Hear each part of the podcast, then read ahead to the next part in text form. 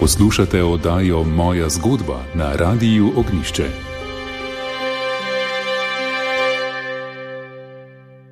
Drage poslušalke in dragi poslušalci, dober večer, z vami je spet oddaja Moja zgodba. Pred kratkim je pri založbi Memores išla knjiga Drugi udarni ali Rupnikov bataljon.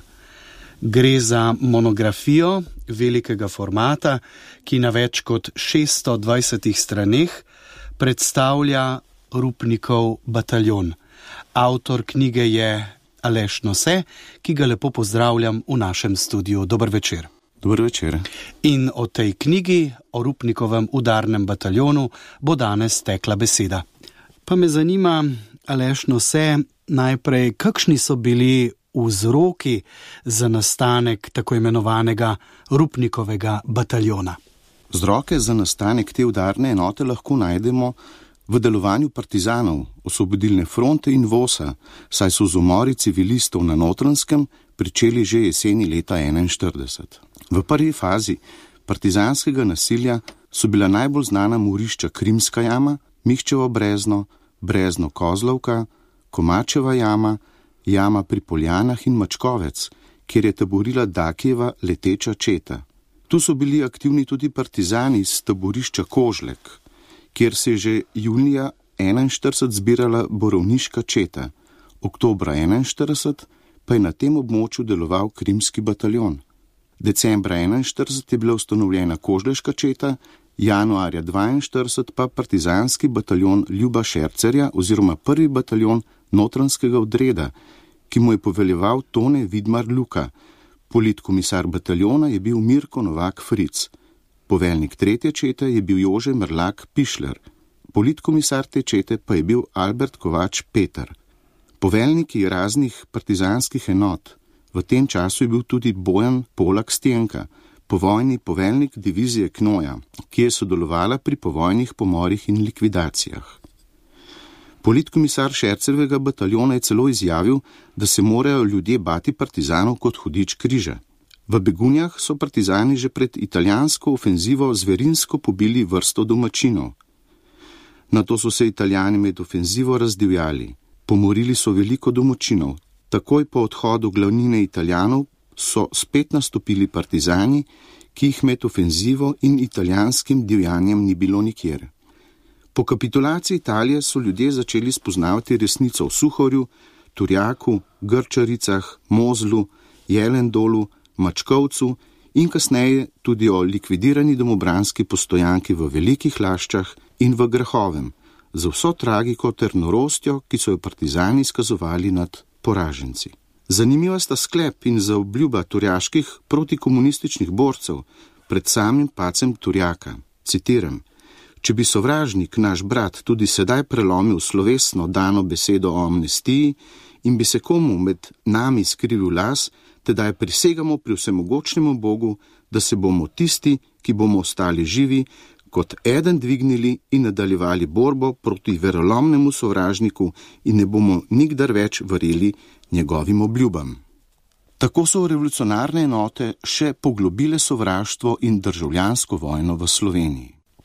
Do nastanka bataljona v Vest ali Zahod na Rakeku je bilo ubitih na področju notranske direktno strani revolucionarnih sil okoli 320 oseb, pretežno civilistov, vaških stražarjev, nekaj partizanov in domobrancev. Od novembra 41 do konca julija 42 70 oseb, od avgusta do konca decembra 42 42 oseb, od januarja do konca avgusta 43 11 oseb, od septembra do konca decembra 43 146 oseb in 35 domobrancev iz postojanke Grhovo.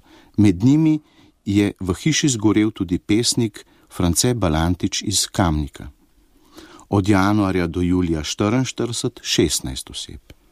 Sem kaj niso vštete žrtve, kot represalije italijanskega okupatorja zaradi premišljenega delovanja partizanskih revolucionarnih enot. Torej posledica terorja, in potreba po zaščiti prebivalstva pred revolucionarnimi enotami je bila ustanovitev močne protikomunistične enote v obliki udarnega bataljona, kateri ne bi imel več samo defenzivni značaj postojank vaških straž in kasnejših domobranskih postojank, temveč bi imel poleg obrambe predvsem ofenzivni značaj s hitrim prikritim premikom, močno ognjeno močjo, ki bi temeljila na dobro izurenih borcih. Bataljon V je bil ustanovljen 16. maja 1944 skupno z drugimi domobranskimi udarnimi bataljoni. Nekaj dni predtem, 13. maja, pa je bil za poveljnika bataljona imenovan orožniški major Friderik Lehmann.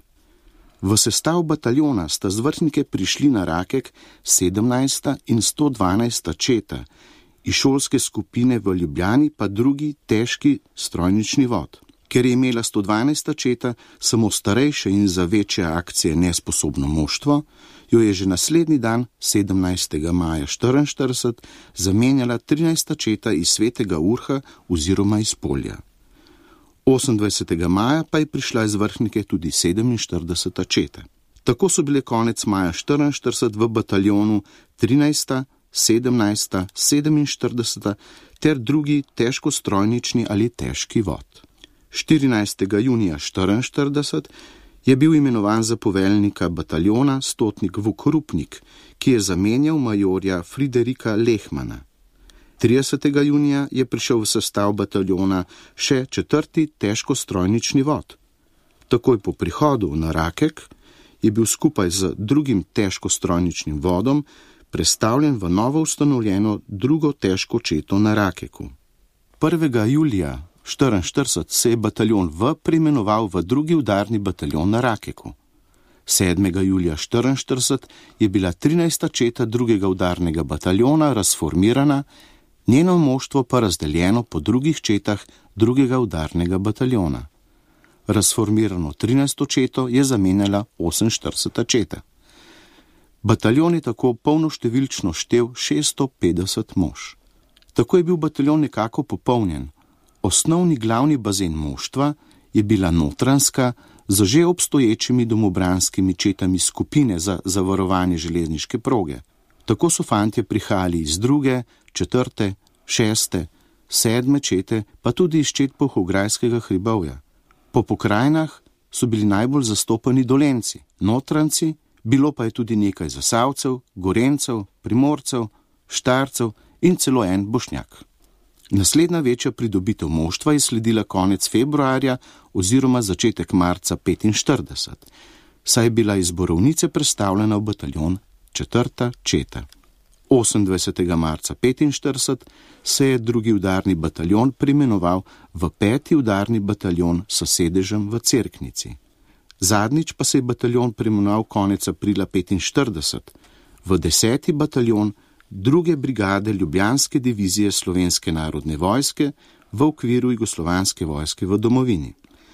Poveljeval mu je stotnik, kapetan prvega razreda Ivan Rihar Ice. Na vkljub vsem tem primenovanjem pa je še vedno bil najbolj znan po svojem znamenitemu poveljniku Vuku Rupniku in so ga še naprej, čeprav Vuk Rupnik ni bil več njegov poveljnik, imenovali Rupnikov bataljon. Tako spoznali smo vzroke za nastanek drugega udarnega rupnikovega bataljona, prav pa je, da zdaj verjetno alešno se povemo še nekaj o njegovem poveljniku, se pravi o Vuku Rupniku. Prosim. Vuk ali Wolfgang Rupnik se je rodil v Mostarju 27. junija 12. očetu Leonu Rupniku in materi Mariji. Ljudsko šolo je obiskoval v Banja Luki gimnazijo pa v Nišu in kasneje nižjo šolo Vojaške akademije v Beogradu. Od leta 37 do 39 je v Beogradu obiskoval višjo vojaško šolo za generalštabne častnike. Služboval je v Škofi Loki v prvem planinskem polku kraljeve jugoslovanske vojske, kjer je bil tudi poveljnik minometalske čete tretjega planinskega bataljona. Novembra 40 so ga premestili v Gerovo na Hrvaškem, kjer je poveljeval drugi planinski strelski četi drugega planinskega bataljona v sestavi drugega planinskega polka. V času svojega službovanja in šolanja si je pridobil veliko izkušenj in znanja. Tekoče je govoril nemški, ruski, srbo-hrvaški in slovenski jezik, ter je bil odličen topograf, telegrafist, risar, pisar, prevajalec in učitelj smučanja. Med drugim se je udeležil kot vodja smučarske tekmovalne vrste planinskih enot Kraljevine Jugoslavije, tudi svetovnega prvenstva v alpskem smučanju v Cortini d'Ampezzo, ki je potekalo v začetku februarja leta 1941, tako rekoč dva meseca pred napadom silusi na Jugoslavijo. Po jugoslovanski kapitulaciji in italijanski okupaciji je ostal v ljubljanski pokrajini in bil kot aktiven častnik kraljeve jugoslovanske vojske zaradi pisemskega vabila v partizane 19. marca 1942 interniran v italijansko koncentracijsko taborišče Gonars, odkuder je bil izpuščen 23. decembra 1942. Po vrnitvi iz Gonarsa se je pridružil vaškim stražam, postal je poveljnik specialnega bataljona MVAC številka 1 v sestavi italijanske 14. pehotne divizije Isonzo, Soča. Po kapitulaciji Italije je prevzel poveljstvo nad pripadniki vaških straž v novem mestu in se uspešno premaknil čez nemško mejo v Zameško, kjer je uspešno kljuboval in se spopadal z revolucionarnimi partizanskimi silami, tako imenovane NOV. Njegova enota je bila zametek nove protikomunistične akcije, imenovane Slovenska domobranska legija. On sam pa je postal poveljnik tretje bojne skupine slovenskega domobranstva v novem mestu, imenovana skupina Rupnik. Kasneje je deloval oziroma služboval v Ljubljani kot zvezdni časnik in bil tudi predavatelj v poveljstvu tečajev. Rezultat tega je bila tudi publikacija z naslovom Službeni predpisi za vodstvo in vzgojo slovenskega domobranstva in policijskega zbora, ki je šla leta 1945 v Ljubljani. 1. januarja 1945 je bil povišen v čin majorja, naslednje povišanje je sledilo maja 1945, ko je bil povišen v čin podpolkovnika in je prevzel poveljstvo druge brigade Ljubljanske divizije Slovenske narodne vojske v okviru Jugoslovanske vojske v domovini. Po umiku iz Ljubljanske kotline preko Ljubelja na Koroško je 10. maja 1945 uspešno izvedel preboj preko Drave in odprl pot civilnim in vojaškim beguncem naprej na Koroško.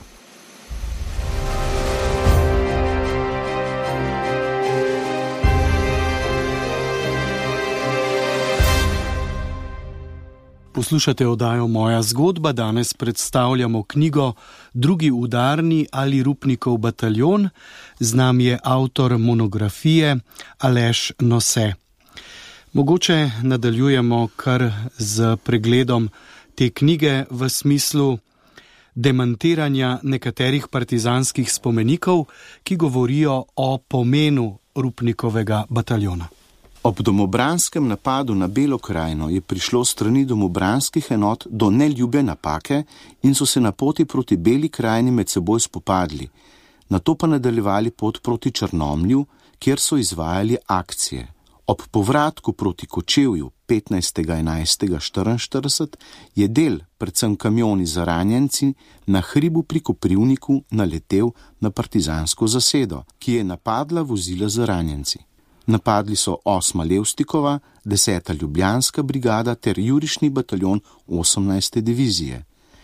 Ta dogodek so partizani spremenili v mitološko zmago nad domobranskimi bataljoni, kar izpričuje tudi partizanski spomenik na hribu pri Koprivniku, ki je bil kasneje obnovljen. Na prvotnem spomeniku je pisalo: citiram. Na tem mestu je dne 14.12.1944 osma Narodno-osvobodilna brigada in jurišni bataljon 18. divizije uničil belogardistični Rupnikov bataljon, okrepljen z nemškimi oddelki. Prvotno besedilo je bilo zamenjano v soglasju z odborom 18. divizije, saj prvotno ni ustrezalo opisu dogodkov, seveda pa so se zmotili tudi pri datumu in zmago premalo napihnili. Na novem obeležju pa sedaj piše sledeče. Dne 15.11.1944 so na tem območju 8. in 10.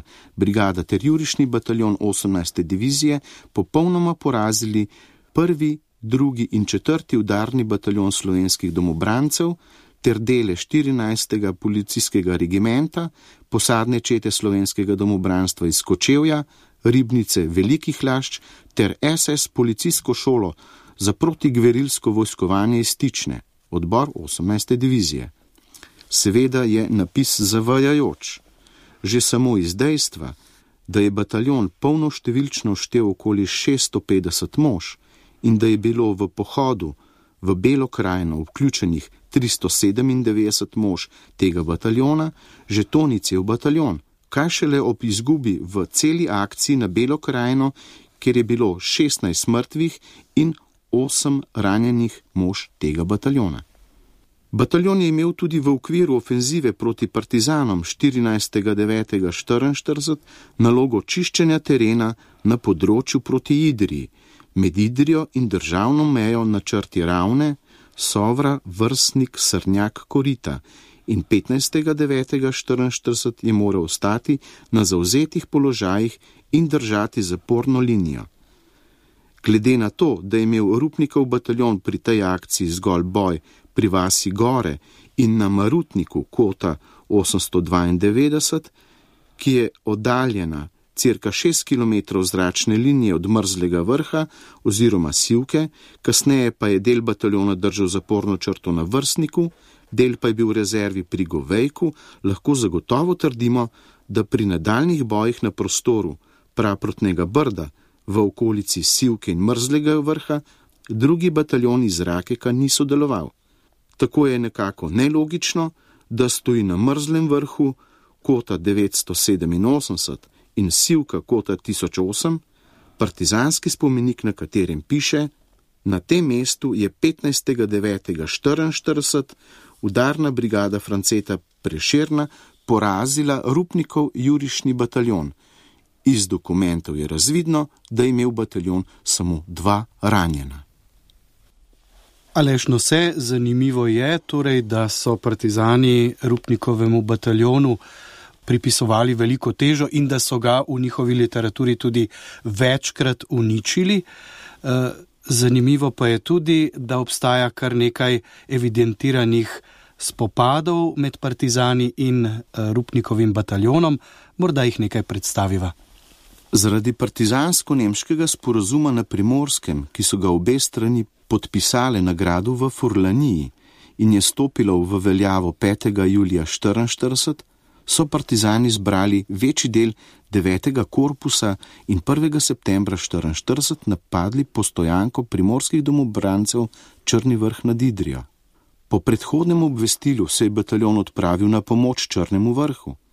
Pravzaprav je bataljon že prečkal italijansko-jugoslovansko rapalsko mejo, torej je prišel v del operacijske cone Jadransko primorje, kjer je veljal sporazum med partizani in Nemci.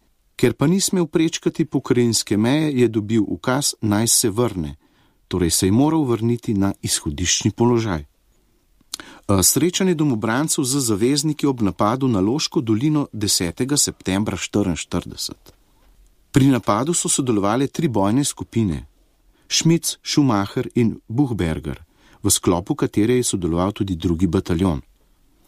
V prostoru delovanja bojnih skupin je bila partizanska 18. divizija s svojim jurišnim bataljonom, dva bataljona VDV, dva bataljona notranskega odreda, štab 7. korpusa z varnostnim bataljonom in drugimi prištabnimi enotami, ter mnogo zalednih, tako vojaških in civilnih političnih ustanov. Dne 10. 9. po 9. uri je prva napadla 17. četa podprta z drugo težko četo pri gradu Snežnik in se premikala proti kozarščam.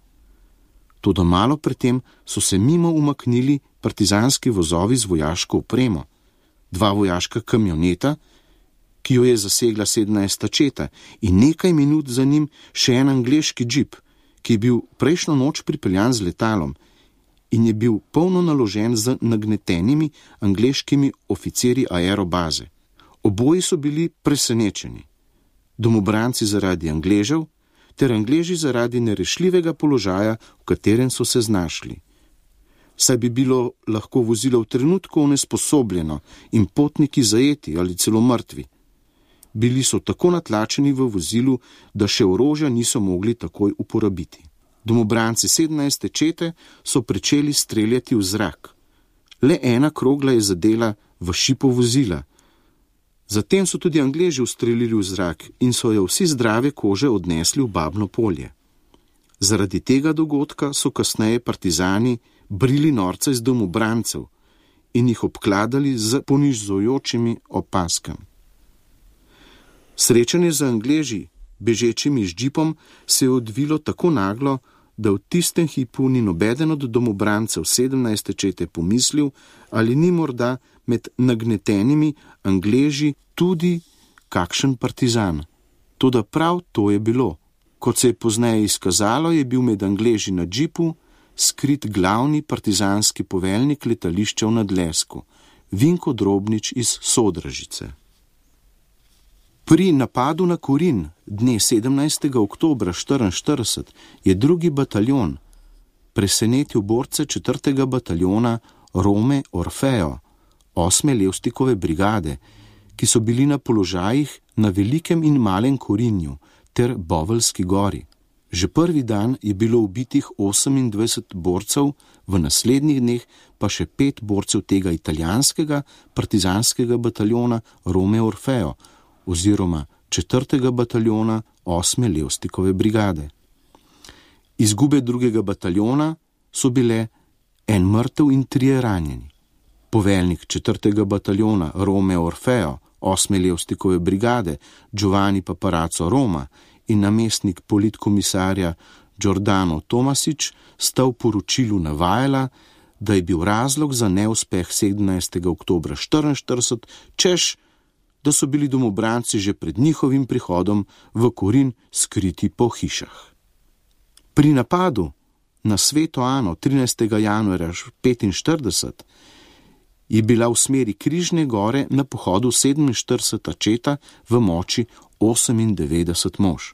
Med potjo so zvedeli, da so na sveti Ani partizani. Neslišno so obkolili vas in napadli. Naleteli so na speče borce prve in tretje čete notranskega odreda. Ob tem je bilo ubitih 15 in ujetih 16 partizanov.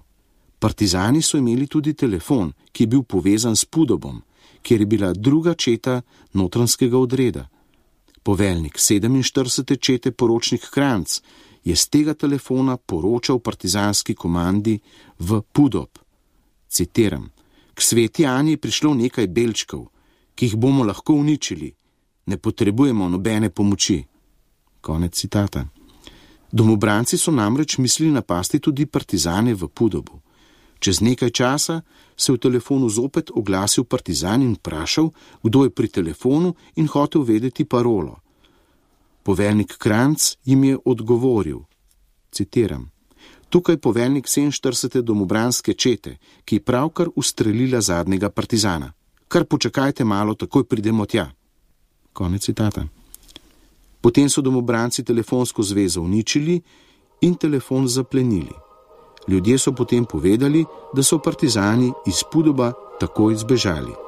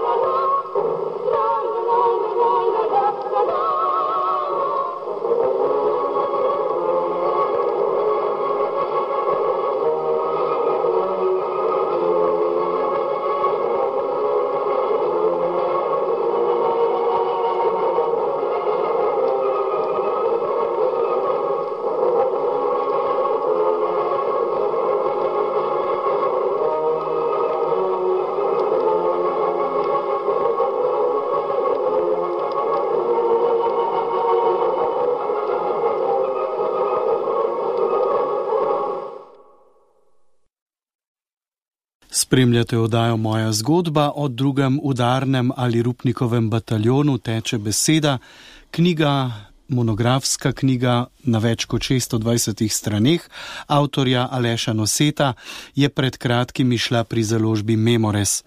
Mogoče zdaj le Aleš Nose o nastajanju omenjene knjige. Pričujoča knjiga je nastajala celo desetletje. Knjiga temelji na različnih virih in je skupek arhivskega materijala iz Arhiva Republike Slovenije, vse mogočih pisnih že objavljenih publikacij člankov, pričevanj in spominov v literaturi povojne slovenske migracije, kot sta recimo Tabor in Vestnik, ter člankov objavljenih v reviji Zaveza. V knjigi so tudi razni neobjavljeni rokopisi, tipkopisi spominov pripadnikov Rupnikovega bataljona ter dnevniški zapisi in pisma udeležencev obravnavanega zgodovinskega trenutka.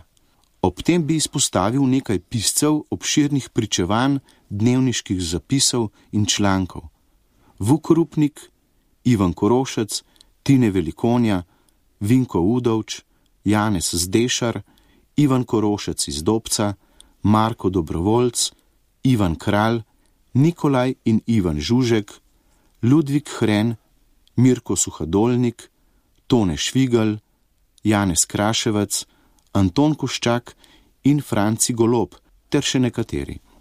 Knjiga je pisana dialoško in kronološko, saj v osnovi temeli na poročilih drugega udarnega bataljona in njegovih čet. Prav tako pa so usporedno objavljena tudi partizanska poročila in opisi dogodkov iz povojne partizanske literature ter novejše literature nastale po demokratizaciji Slovenije leta 1991. Zgodba Rupnikovega bataljona ni dokončna, saj manjka velik del arhivskega materijala, ki se nanaša na 4., 17. in 48. četo. Lahko pa pritrdim, da je bila pričujoča knjiga odlična rekonstrukcija Rupnikovega bataljona v vseh njegovih obdobjih, od nastanka posameznih čet, formiranja bataljona na Rakeku, njegovih bojih z revolucionarnimi silami in njegove usode na Koroškem, ter usode ob zavezniški vrnitvi v Titovino. Znana so dejstva o taborišču smrti Teharje in rovu svete Barbare. Dobrodošla dopolnitev knjige je tudi seznam vojakov Rupnikovega bataljona. Nekaj vzpodbude mi je dal seznam, katerega je objavil na svoji spletni strani Roman Leljak, vendar to ni seznam Rupnikovega bataljona, temveč čete, ki je poveljeval za časa svojega služenja v planinskih enotah kraljeve jugoslovanske vojske. V začetku rekonstrukcije moštva bataljona sem se v dobršni meri naslonil na arhivski material, v katerem so obširni seznami 47. in druge težke čete. Nekaj seznamov je bilo tudi za 17. četo. Problem pa je nastal pri sestavi moštva 48. in 4. čete, saj teh seznamov tako rekoč ni oziroma je bil material uničen. Potrebno je bilo pregledati razne sezname tečajnikov, obrniti res veliko arhivskega papirja in materijala, ter spraševati ljudi na terenu in podobno. Pri tem mi je bilo veliko pomoč gradivo, katerega je zbral Stane okoliš z naslovom Žrtve druge svetovne vojne na ožjem notranskem. Pravzaprav sem se na neki točki znašel v slepi ulici, nisem vedel, kako naprej. Na to pa se mi je zazdelo, da imam že nekaj let doma nekakšno svetlo-zeleno knjigo z nekimi seznami. V kupih knjig na policah sem jo uspešno našel in delo je zopet steklo naprej. Tako sem uspel popisati 1179 oseb. Seveda so pri nekaterih podatki nepopolni, tako da se seznam še vedno dopolnjuje. Kot zanimivost lahko omenim, da me je nekaj dni pred predstavitvijo knjige poklicala neka oseba z Dolenske in mi naštela še pet dodatnih oseb iz 48. čete. Ob popisu vojakov Rupnikovega bataljona je razvidno, da jih je bilo v času delovanja bataljona 45 mrtvih. Po vojni jih je bilo izvensodno umorjenih vsaj 62% oseb pripadnikov tega bataljona, kateri so bili v tej enoti prisotni del ali celo cel čas obstoja bataljona. Večina jih je bila umorjena v opuščenem rudarskem rovu svete Barbare v rudniku Huda jama pri Laškem. Ne moremo pa preko usod posameznikov, kateri so na vkljub nečloveški torturi od zmage pijanih in željnih krvi pripadnikov partizanskih enot, pripadnikov Knoja, terencev ter Kloja, uspeli preživeti taborišče smrti Tehare in Šentvit ali celo pobegniti iz taborišča oziroma morišča. Tu imam v mislih skupinski pobeg iz taborišča Teharje in prav tako pobeg poročnika Ludvika Hrena. Odločilno težo daje knjigi fotografski material. Seveda je del tega fotografskega materijala iz fototeke Muzeja novejše zgodovine Slovenije, kateri hrani v svojih nederih celo zakladnico. Ne glede na to, da sem kar nekajkrat letno obiskoval njihove prostore, sem vedno kaj novega izbrskal. Med drugim sem odkril neznane in še neobjavljene fotografije domobranskih ujetnikov na poti iz celja proti taborišču Teharja in celo fotografijo taborišča samega, še preden je bilo napolnjeno z nesrečnimi civilnimi in vojaškimi ujetniki. Fotografije iz fototeke Muzeja novejše zgodovine predstavljajo zgolj četrtino vsega fotografskega materijala, objavljenega v knjigi. Preostali fotografski material pa je rezultat ne samo desetletnega terenskega dela in raziskave po notranskem in dolenskem. Fotografski material sem iskal tudi preko meja. Z velikim veseljem se je s posredovanjem na to odzval nečak Vuka Rupnika, Saša Rupnik, katerim je po elektronski pošti posredoval veliko prvič videnih in zanimivih fotografij, za kar sem mu iskreno hvaležen. V iskanje fotografskega materijala je bilo vženo veliko truda in časa, kar lahko hitro predstavlja določen problem. Naslednja uganka ob najdenih fotografijah pa je bila osnovna dokumentacija in identifikacija oseb, prostora in časa nastanka fotografije, kasneje pa tudi opis prikazanega. V veliko nesebično pomoč so bili ljudje starejših letnikov, kateri so uspeli prepoznati osebe na fotografijah. Seveda je bil uspeh popoln, če so različni identificirali isto osebo na fotografiji. Pri identifikaciji so največ pripomogli Anton Koščak, Franc Raušel, Franska Košir Ivan Korošec, Jože Meden, Milka Rot, Reska Debevc, Franc Ložar in drugi. Zelo mi je ostalo v spominu pričevanje domobranca 47. čete Antona Koščaka, kateri je med vojno imel fotoaparat in je vestno fotografiral njemu zanimive trenutke ali celo skupinske portrete svojih soborcev.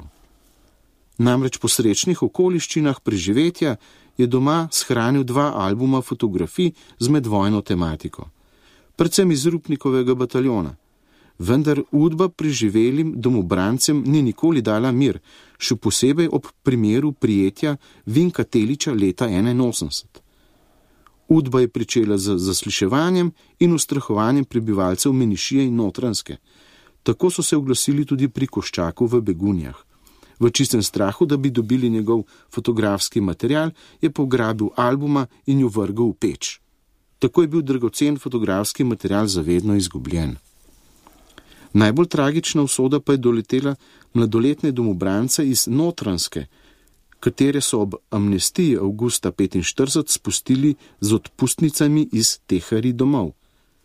Vsi so bili v zelo slabem stanju, saj so bili kar nekaj mesecev zaprti v taborišču.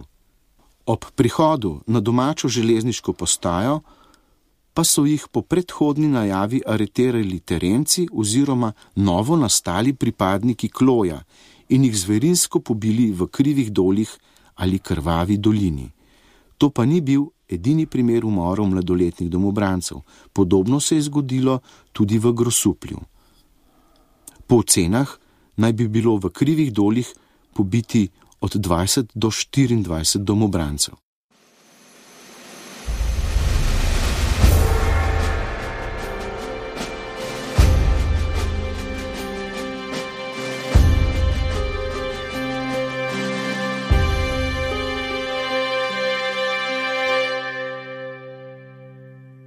Spremljate oddajo Moja zgodba, še zadnji delček predstavitve knjige Drugi udarni ali Rupnikov bataljon je pred nami. Knjiga je šla v letu 2019 pri založbi Memores.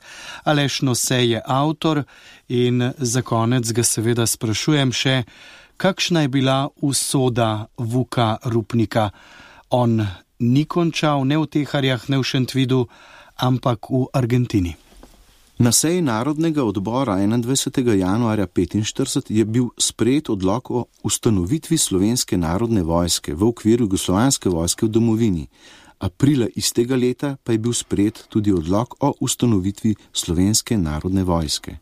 Narodni odbor je povišal majorja Vuka Rupnika v čin podpolkovnika. Tako je postal poveljnik druge brigade v Ljubljanski diviziji Slovenske narodne vojske. Njegova enota je vse do zadnjega ostala v polni bojni sestavi in bila sposobna boriti se do predaje Angležem. Na njegovo mesto poveljnika petega bataljona je bil postavljen stotnik Ivan Richard Ice. Bataljon pa se je v sestavu druge brigade Ljubljanske divizije Slovenske narodne vojske preimenoval v deseti bataljon pod poveljstvom kapetena prvega razreda Ivana Richarja Iceja. To dokazuje še zadnji spopad s partizani na Koroškem za prehod čez Dravo. Partizani so 8. maja 1945 zablokirali oba mosta čez Dravo pod Humprškim gradom. Obe partizanski enoti sta bili do zob oboroženi, saj je bilo orožja in opreme ob predaji nemške vojske na pretek. Tudi številčno sta bili močnejši, saj je Bračičeva brigada imela kar 1616 borcev, kokrški odred pa tisoč borcev, da bi se težava umika slovenske narodne vojske in beguncev rešila, je pobudo prevzel podpolkovnik Vukrupnik. Na voljo je imel 1500 mož, s katerimi je najprej napadel partizanski štab v Borovljah in na to oba mostova na Dravi. Rezultat tega je bil eleganten preboj partizanske blokade na mostovih čez Dravo. Tako je bila dobljena še zadnja bitka s partizani. Zaradi svojih vojaških spretnosti in podvigov v borbi proti partizanom je bil 30. januarja 1945 odlikovan z železnim križcem druge stopne in povišen v majorja. Pred koncem vojne je bil predlagan za železni križec prve stopnje, ki ga je prejel za zamudo šele v vetrinju. Za časa domobranstva je prejel tudi vojno zaslužni križec druge stopnje za meči. Ko so začeli Angleži vračati slovenske domobrance Titu v Jugoslavijo, je prišel na vrsto 30. maja 1945 tudi drugi polk Ljubljanske divizije Slovenske narodne vojske. Angleži so jih ukrcali na tovornjake in jih v spremstvu angliških vojaških motoristov odpeljali na Pliberg. Vukrupnik je s svojim avtomobilom spremljal to kolono. Po prihodu je vprašal v bližnji hiši, kaj se dogaja, in izvedel, da jih vozijo v Jugoslavijo. To je povedal tudi nekaterim časnikom in jim naročil, naj se moštvo razbeži. S prevajalcem inženirjem kraljem se je dogovoril za sestanek s poveljnikom transporta majorjem Vinom. Razložil mu je situacijo in mu povedal, da ne želijo iti v Jugoslavijo, vendar angliški major ni hotel o tem nič slišati Na to se je spomnil pisma, ki mu ga je poslal oče Leon Rupnik, za zagotovilom angliških oblasti v Milštatu, da domobrancev ne bodo izročali Jugoslaviji. Vukova žena Zinka je na kolenih prosila angliškega majora, naj njenega moža ne vrne in zopet nič. Na to je strgala brezvredno pismo in ga vrgla v travo. Čez čas je angliški major želel videti to pismo. Ko ga je dobil, seveda v koščkih, je oba Vuka in njegovo ženo Zinko zadržal za 24 ur, da se je razjasnilo, kaj je s tem pismom.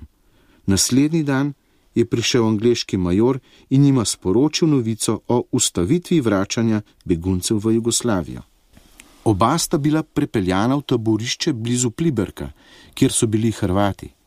Od tam so ju spustili. Potem sta še nekaj časa ostala v Avstriji in se preživljala z delom po tirolskih kmetijah. Na to pa sta se preselila v Argentino, kjer je Vuk delal kot uradnik v tekstilni tovarni v Buenos Airesu. Umrl je 14. augusta 1975 v Buenos Airesu. Osmrtnica v tankajšnjem časopisu se je glasila: citiram. V četrtek popovdne dne 14. augusta 1975 je nepričakovano umrl na svojem domu v Buenos Airesu bivši domobranski poveljnik in junak Vuk Rupnik. Že nekaj let je bolehal in končno podlegel neozdravljivi bolezni, star 63 let. Za naglo smrt se je hitro izvedelo. Na mrtvaškem odru je ležal v dvorani Slomškovega doma v Ramos Mehiji, kamor so ga hodili kropit številni znanci, predvsem iz vrst protikomunističnih borcev. Toliko za danes, drage poslušalke in dragi poslušalci, predstavljali smo knjigo Drugi udarni ali Rupnikov bataljon avtorja Aleša Noseta, ki se mu ob tej priložnosti seveda zahvaljujem za obisk v našem studiu. Hvala lepa. Hvala tudi vam. Knjigo pa lahko dobite v vseh bolje založenih knjigarnah, da nimo založbe družina. Za danes pa hvala lepa in lahko noč. Lahko noč.